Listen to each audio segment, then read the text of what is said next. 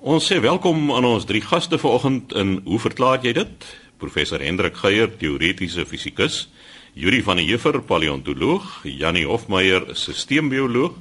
En Hendrik, ons begin by jou en jy gaan eerstens gesels oor ligspoed. Chris, ja, ek reageer hier op 'n e-pos wat ons van Charles Du Plessis van Verliersdorp gekry het, so apologie, eh, Charles, dat ek nou eers daarby kom om aandag aan jou vraag te gee, maar hoe ook al ek hoop jy het geduld gehad om te wag. Dit handel oor die stuk geskiedenis van die Amerikaners Michelson en Morley wat vir die eerste keer eksperimente gedoen het waarmee hulle kon aantoon dat die spoed van lig onafhanklik is van die spoed waarteen die bron wat die lig uitstraal self beweeg en jy verwys daarna dat jy hierdie stuk geskiedenis nagelees het in die boek van Bill Bryson A Short History of Nearly Everything wat ons by meer geleenthede al bespreek en aan luisteraars aanbeveel het. Nou, Chris, die spesifieke vraag wat Charles nou hier vra is hy sê In Bryson se boek verwys hy daarna dat hulle die bevinding gemaak het deur die metings te doen gedurende verskillende seisoene van die jaar of ook gedurende sy verskillende seisoene en hy sê ek verstaan so min of meer die werking van hulle interferometer en ek kan sien hoe vasgestel word of die spoed van lig dieselfde is wanneer gemeet word in die rigting van die aarde se beweging of in die teenoorgestelde rigting of an, enige ander rigting maar ek begryp nie wat die verskillende seisoene van die jaar daarmee te doen het nie. Nou net ter agtergrond die hele kwessie waaroor dit destyds gehandel het was die vraag of lig wat toe al bekend was as 'n golfverskynsel inderdaad 'n medium nodig het vir voortplanting soos alle ander golwe wat aan ons bekend is. Watergolwe, klankgolwe hulle almal plant voort deur middel van 'n medium. En die idee het destyds nog bestaan dat iets wat genoem word die eter hierdie funksie vervul het. Nou as 'n mens dan die gedagte van die eter ernstig opneem, dan sou 'n mens verwag dat soos wat byvoorbeeld die aarde deur die eter beweeg in verskillende rigtings, die spoed van lig wat op aarde geproduseer word verskillend sou registreer en dit was wat Michelson en Morley met hierdie baie sensitiewe nuwe apparaat die interferometer kon probeer vasstel. Die analogie wat dikwels hiervoor gebruik word is om te dink aan 'n rivier wat vloei en 'n swemmer wat of stroom af of stroom op of dwars oor die stroom swem en wat die spoed relatief van so 'n swemmer relatief tot die wal sou wees. So dit is die analogie wat dikwels gebruik word. So die situasie was as daar 'n eter sou wees, sou 'n mens deur in verskillende rigtings die interferometer meting te doen, sou jy so iets kon probeer vasstel. Nou mense kan aan twee tipes bewegings dink. Die een net eenvoudig die draaiing van die aarde. Ons het so 'n programme wat gelede aandag gegee aan 'n vraag van Johannes Silje van die Parel waaroor ons oor die aarde se beweging deur die ruimte saam met die sonnestelsel en dis meer gesels het. So enerzijds net die beweging van die aarde om sy eie as en dan die beweging van die aarde om die son. En die die kwessie van die seisoene sal kom ter sprake daarby as 'n mens eenvoudig dink daaraan dat byvoorbeeld in die lente en hers die aarde in as 'n mens vir jou 'n tweedimensionele skets van die aarde se beweging om die son sou voorstel dat hulle in verskillende rigtings dat die aarde dan in verskillende rigtings beweeg. So as 'n mens kyk na die eerstens net na die beweging van die aarde om sy eie as en 'n orde grootte probeer kry, dan praat jy van 'n draaispoed by die ewenaar van 40000 km in 24 uur. Dit is omtrent so 'n halwe kilometer per sekonde. Aan die ander kant as 'n mens uitwerk hoe ver die aarde om die son in 'n jaar beweeg, dit is 'n sirkel met 'n radius van 150 miljoen kilometer, dan praat jy van 'n orbitale spoed van omtrent 30 km per sekonde. So dis duidelik dat wanneer 'n mens die verskil sou probeer agterkom deur net verskillende tye van die dag byvoorbeeld die meting te doen dat daardie orde grootte heelwat kleiner is as wanneer 'n mens die situasie vergelyk 6 maande uitmekaar wanneer die aarde besig is om in verskillende rigtings in die baan relatief tot die son te beweeg. En dit is waarom daar 'n verwysing is na 'n meting gedurende verskillende seisoene van die jaar. So selfs met daardie tydsverskil in meting min of meer 6 maande is geen verskil in die spoed van lig geregistreer nie wat dit al hoe duideliker gemaak het dat ligspoed totaal onafhanklik is van die spoed van die bron en dat daar ook nie 'n medium nodig is om lig te laat propageer nie. So Charles, ek hoop dit klaar die kwessie op van Michelson en Mordy se eksperiment en dan staan nog 'n paar minute oor is Chris wil ek vinnig aandag gee aan 'n brief wat ons gekry het van meneer GM Smit van Goodwood. Hy beduie dat hy op die 17de vloer van 'n woonstelkompleks woon en oor die see uitkyk en wat hy nou opgemerk het is dat hy by geleentheid 'n boot op die horison kan raak sien op so 'n manier dat die bolwerk van die boot volledig bo kan die horison sigbaar is. Hy praat van 'n afstand van honderde kilometer. Ek dink nie dit kan korrek wees nie en ek kom nou nou weer terug daarby. In ieder geval dan vergelyk hy hierdie situasie met die situasie wanneer die boot terugvaar na die hawe toe en dan op 'n stadium nader sigbaar is in watter geval die bolwerk glad nie meer bo kan die horison uitsteek nie en vir meneer Smit lyk my is dit 'n probleem en hy vra of dit hier 'n kwessie is van sinsbedrog soos met die maan. Ek neem aan hy verwys daarna dat 'n mens tipies die maan wanneer sê maar die volmaan opkom en jy dit net bo kan die horison waarneem, heelwat groter vertoon as wanneer dit later reg bo kan jou in die lug sit. Meneer Smit, nee, ek dink nie hier is 'n kwessie van wat jy noem sinsbedrog nie. 'n Mens kan maklik 'n sommetjie maak om uit te vind hoe ver die horison van jou af sigbaar is. So as 'n mens op die strand staan en jy 'n ooghoogte van omtrent 1,7 meter aanneem, dan kan 'n mens uitwerk dat jy oor 'n afstand van omtrent 4,7 km ver die horison kan sien. Dit is 'n maklike stukkie meetkunde wat die van u wat nog ietsie van meetkunde oorhou uit skool sou kon doen. 'n Mens het niks meer nodig as Pythagoras se stelling nie. En dan vind jy uit jy kan daardie afstand eintlik in 'n eenvoudige formule uitdruk, naamlik die afstand is 3,57 vermenigvuldig met die vierkantswortel van die hoogte bokant die grondoppervlak waar die waarnemer se oog is. So as 'n mens daar 1,7 meter insit kry jy 'n afstand van 4,7 km. Aan die ander kant as mens nou aanneem dat meneer Smit op die 17de vloer min of meer so 50 meter bo kan die grond is, dan vind jy uit hy behoort omtrent 25 km ver te kan sien en daar is skepe groot genoeg wat dit vir hom moontlik maak om dan die bolwerk volledig bo kan die horison te sien. Aan die ander kant is dit duidelik dat wanneer daardie boot nader gevaar het, dit definitief 'n situasie gaan bereik waar die siglyn na die boot al so skerp is dat die horison definitief ver bo kan die bolwerk gaan uitstaan. So ek hoop dit klaar die situasie vir jou op meneer Smit en dis dan my storie vir vandag Chris. En so sê Hendrik Geier, ons teoretiese fisikus. Nou Yuri, jy het heelwat terugvoer ontvang oor verskillende onderwerpe waaroor jy die afgelope tyd gesels het. Ja, Chris. Stefanus van der Walt van Brits het 'n uh, eh, brief gestuur oor die uitsending van Sondag 12 Mei waar ons oor die bydrae van Alex de Tooy die geoloog en ook die man wat baie sterk gekonfigureer het met die idee van drywende kontinente. Hy sê hy het die voorreg gehad om Dr. De Tooy se kind te ontmoet in die vroeë jare 50. Om die waarheid te sê, hy het 'n tyd by ons aan huis gebly in die Kaap, waarskynlik op uitnodiging van my pa wat destyds aan die burgerverbonde was. Hy sê wat hy veral onthou was hoe verstrooid Alex het toe gewees het. My ouers moes kennisgewings op die kamer se deure plak sodat hy nie verdwaal tussen die badkamer en sy slaapkamer nie. Ek meen hy het hom destyds op weervoorspelling toegespits en onthou ook sy voorspellings van aardbewings in Suid-Afrika en dat die oostelike deel van Afrika nog eendag op die skeurvallei langs gaan wegbreek na die ooste. Nou ja, baie dankie daarvoor. Ons weet dit is besig om te gebeur.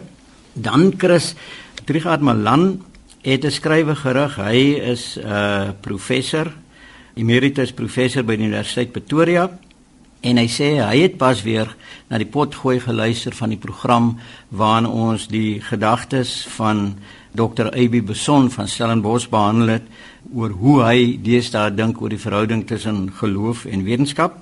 En hy sê hy was baie beïndruk daarmee. Hy beskryf dit self as 'n unieke siening oor evolusie en godsdiens en hy wil weet of hy by AB kan uitkom want hy sê hy verwoord presies my diepe gevoel oor evolusie en godsdiens wat ek self nog nooit so presies kon formuleer nie. Nou, teruggaat ek was in verbinding met AB en hy wil baie graag met mense kommunikeer want hy sê na die program het verskeie mense hom persoonlik genader en hy sê die kommentaar wat gelewer is deurgaans oor sy siening was positief. Hy het nie een negatiewe kommentaar gekry oor sy siening nie.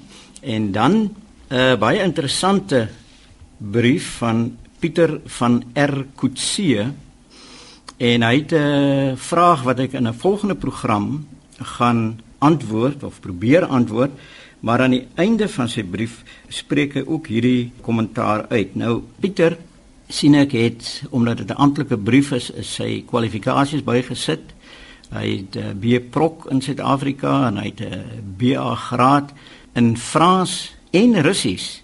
So ek dink soos hulle al meermale gesê het op die Rooiplein Pieter, zdravstvy tovarish, как вы поживаешь? Wat betref die laaste deel van jou brief, wil hy weet of AB met sy uh, skrywe oor wetenskap en godsdiens beskikbaar is op e-pos. Hy sê dit sou baie interessant wees om met hom kontak te maak siende dat ek in dieselfde veld skryf en dink. Nou Pieter, ek was in kontak met AB en sy e-pos sal by jou uitkom. Hierdie gaan jy die rooi plein spreek vir ons vertaal. Al wat dit beteken is Draswi Tewaris is goeiedag vriend, hoe gaan dit met jou? Kak wie posivais. Ek moes ongelukkig 'n bietjie Russies geleer het om die Russiese paleontologiese artikels te lees. So ek ken net so 'n paar woorde. Goed, Chris verder. Skrywe van Klaas Stempels van George waar hy verwys na een van die luisteraars wat ingeskryf het en gesê het dat hy volmaak geskape is. En uh, ek het glo nie daaroor 'n antwoord gegee nie en hy wil weet is ons volmaak geskape? En dan gee hy self die antwoord om te sê nee. En hy noem dan 'n hele reeks eienskappe van die menslike liggaam wat aantoon dat ons basies deur evolusie aan mekaar gesit is en nie volmaak geskape is nie. Want mense dink gewoonlik of baie mense dink gewoonlik as jy mans as hulle baie mooi meisies sien kan hulle baie maklik dink dit is 'n volmaak geskape persoon. Terwyl daar in die anatomie van alle diere en veral mense dinge is wat net werk. Dis nie volmaak nie, maar dit werk goed genoeg. Klaas noem hierso die geslagsbuise met hulle besondere ompad wat hulle loop. Ek dink byvoorbeeld aan die retina in ons oë wat op 'n verkeerde manier bedraad is. Daarom kan ons aan losgelate retinas ly. Ons dink aan die urineleier wat deur die prostraatklier loop En as ons met 'n vergrote prostaat sit, dan word die urineleier toegeknyp en dit sou eintlik as ons volmaak was, baie maklik gewees het om net die urineleier teen die kant van die prostaat te laat omloop.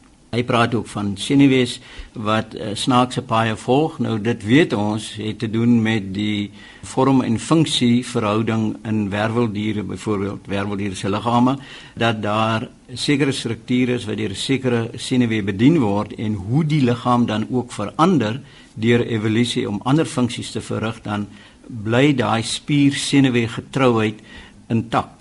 En uh, dit is hoekom ons dan met die ontwikkeling by wêrelddiere van 'n redelike lang nek veroorsaak dat senuwees allerlei snaakse draaie maak. En hy praat dan nou van mangels ook. Wel, mangels het 'n funksie, Klaas. Klompie jare gelede as kinders begin mangelontsteking kry, dan is die mangels gou-gou uitgehaal. Wat ons nou weet is dat die mangels 'n rol speel vroeg in die kind se lewe voordat volledige immuniteit opgebou is in die stelsel dan hark die mangels al hierdie toksiese stowwe uit die liggaam uit en dit is hoekom dit dan ontsteek. So die mangels het definitief 'n funksie wat dan later as die immuniteit opgebou word nie meer so belangrik is nie. Die blinde darm lyk asof dit nie 'n funksie het nie in organismes waar daar nog 'n groot mate van uh, plantmateriaal geëet word en selulose verteer moet word dan uh, is die appendix of die cecum is dan uh, funksioneel. Ons kan nie meer selulose verteer nie en uh, dis het die blinde darm kleiner geword.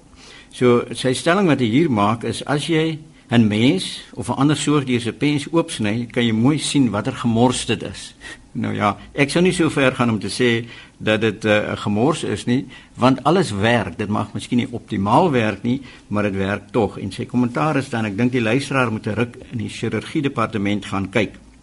Evolusie kan al die goed verklaar, maar daar is nie 'n spoor van volmaaktheid nie, net geskiedenis. En dit is juis so dat evolusie werk om organismes te laat oorlewe. Chris 'n verdere brief van uh, Josef Strydom praat hy oor die genetika en hy sê dat wat hy van die genetika weet is dat 'n mens net genetiese inligting kan verloor en as primate 99% van die mens se gene besit, waar het die 1% bygekom? Josef, ek dink mens praat net hierdie bietjie verkeerd om. As 'n mens dink daaraan dat alle primate wat die mens insluit 'n gemeenskaplike oorsprong het, was daar 'n gemeenskaplike genepool en met die diversifikasie in hierdie primaatstruktuur waar mense nou vandag mense het en jy het al die ander groot ape, gorillas en sjimpansees en diegene was daar 'n skeiding gewees en as gevolg van die skeiding het daar sekere mutasies plaasgevind, sekere veranderings het plaasgevind sodat daar vandag 'n groot ooreenkoms tussen die genoom van alle primate is en die 99% is min of meer korrek tussen ons en veral die bonobos, die sogenaamde dwergchimpansees. Maar die verskille is nie gebaseer op die feit dat genetiese inligting verloor is nie. Daar was 'n wegbeweeg, genetiese wegbeweeg van mekaar om dan die soort situasie te gee wat ons vandag het. So dis nie heeltemal korrek om dit dan so te stel nie. As mens aanvaar sien dat dit uit 'n gemeenskaplike oorsprong kom, dan kan 'n mens die verskille inkorporeer en as die verskille ver genoeg of groot genoeg is, dan kan jy verskillende spesies kry en ons sien dit byvoorbeeld by muile waar perde en donkies ver genoeg geneties van mekaar af is sodat die nageslag in die meeste gevalle nie eers meer vrugbaar is nie. So ek dink dit is net hoe jy na hierdie stellings kyk.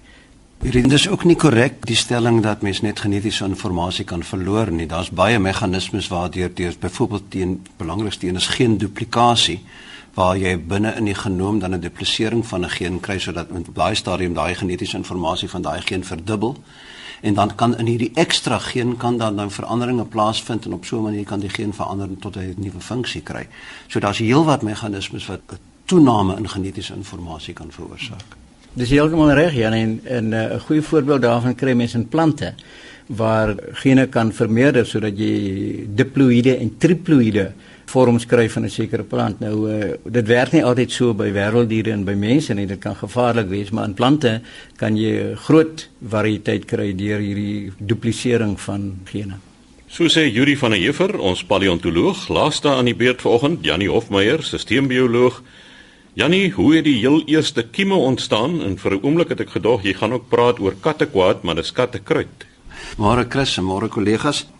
Ja, dit gaan is Susan Kleinhans, sy sê ongelukkig nie waar sy vandaan kom nie, maar dit twee vrae gevra en die eerste ene vra sy hoe het die heel heel eerste kieme ontstaan?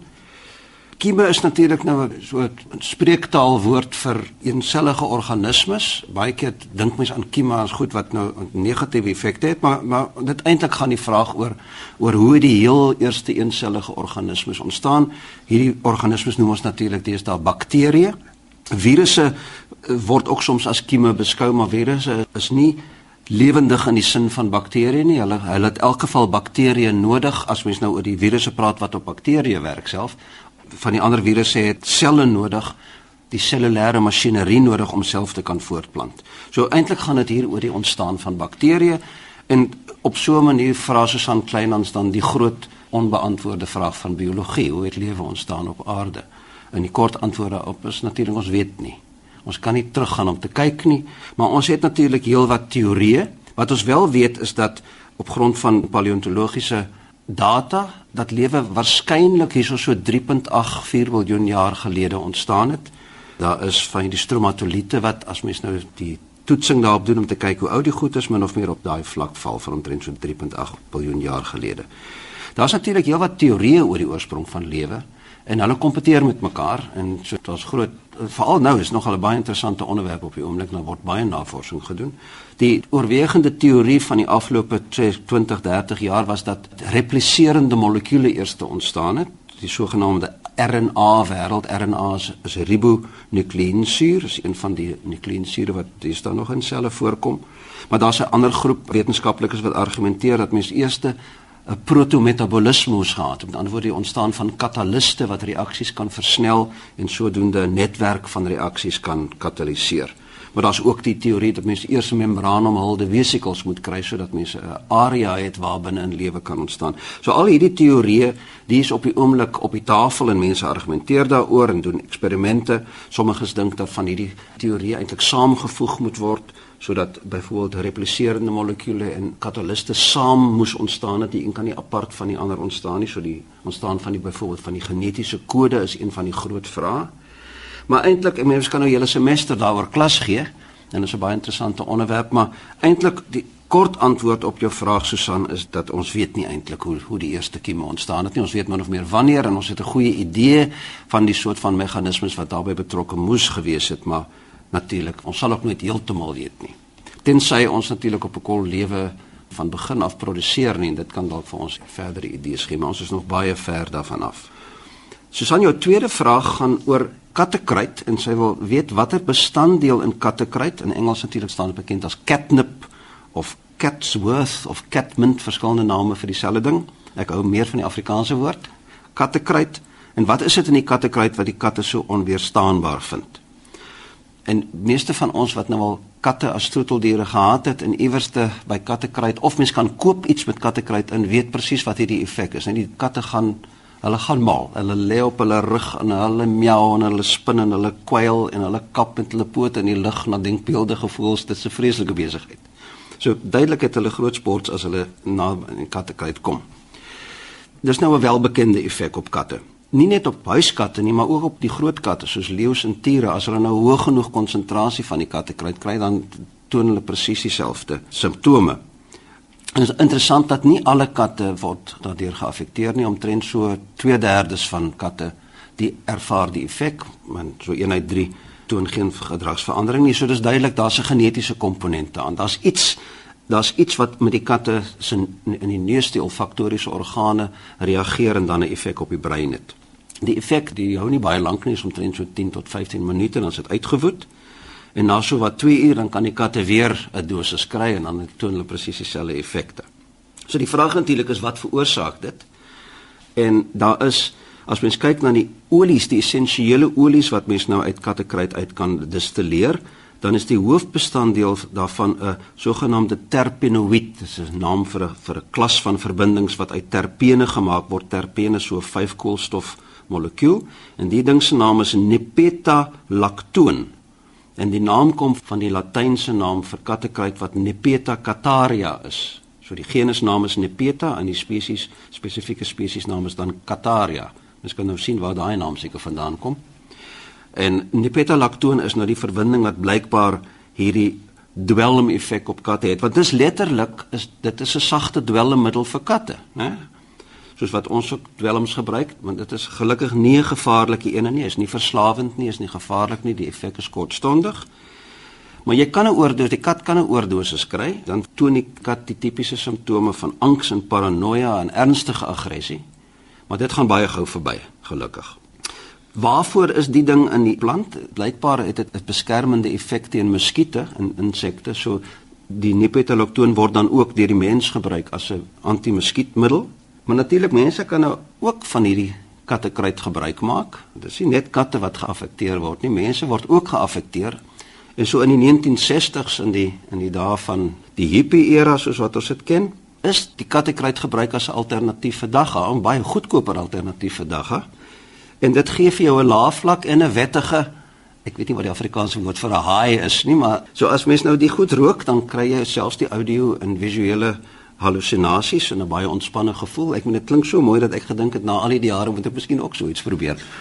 Maar uh, dit is 'n kalmeermiddel. Mens kan 'n tee maak van die kattekruid en dit word gebruik dan as 'n kalmeermiddel. So dit is 'n verbinding wat duidelik effek op die brein het. Dit is 'n baie kortstondige effek maar blykbaar 'n interessante een en die katte die stem blykbaar met my saam. So ek Susan, ek uh, hoop dat ek daardeur vir jou dan ietsie gesê het van wat jou kat ervaar of waarom jou kat ervaar wat hy ervaar as hy so in die kattekruid rondrol. So die kat rig tog katte kwaad aan as hy kattekruid ingekry het.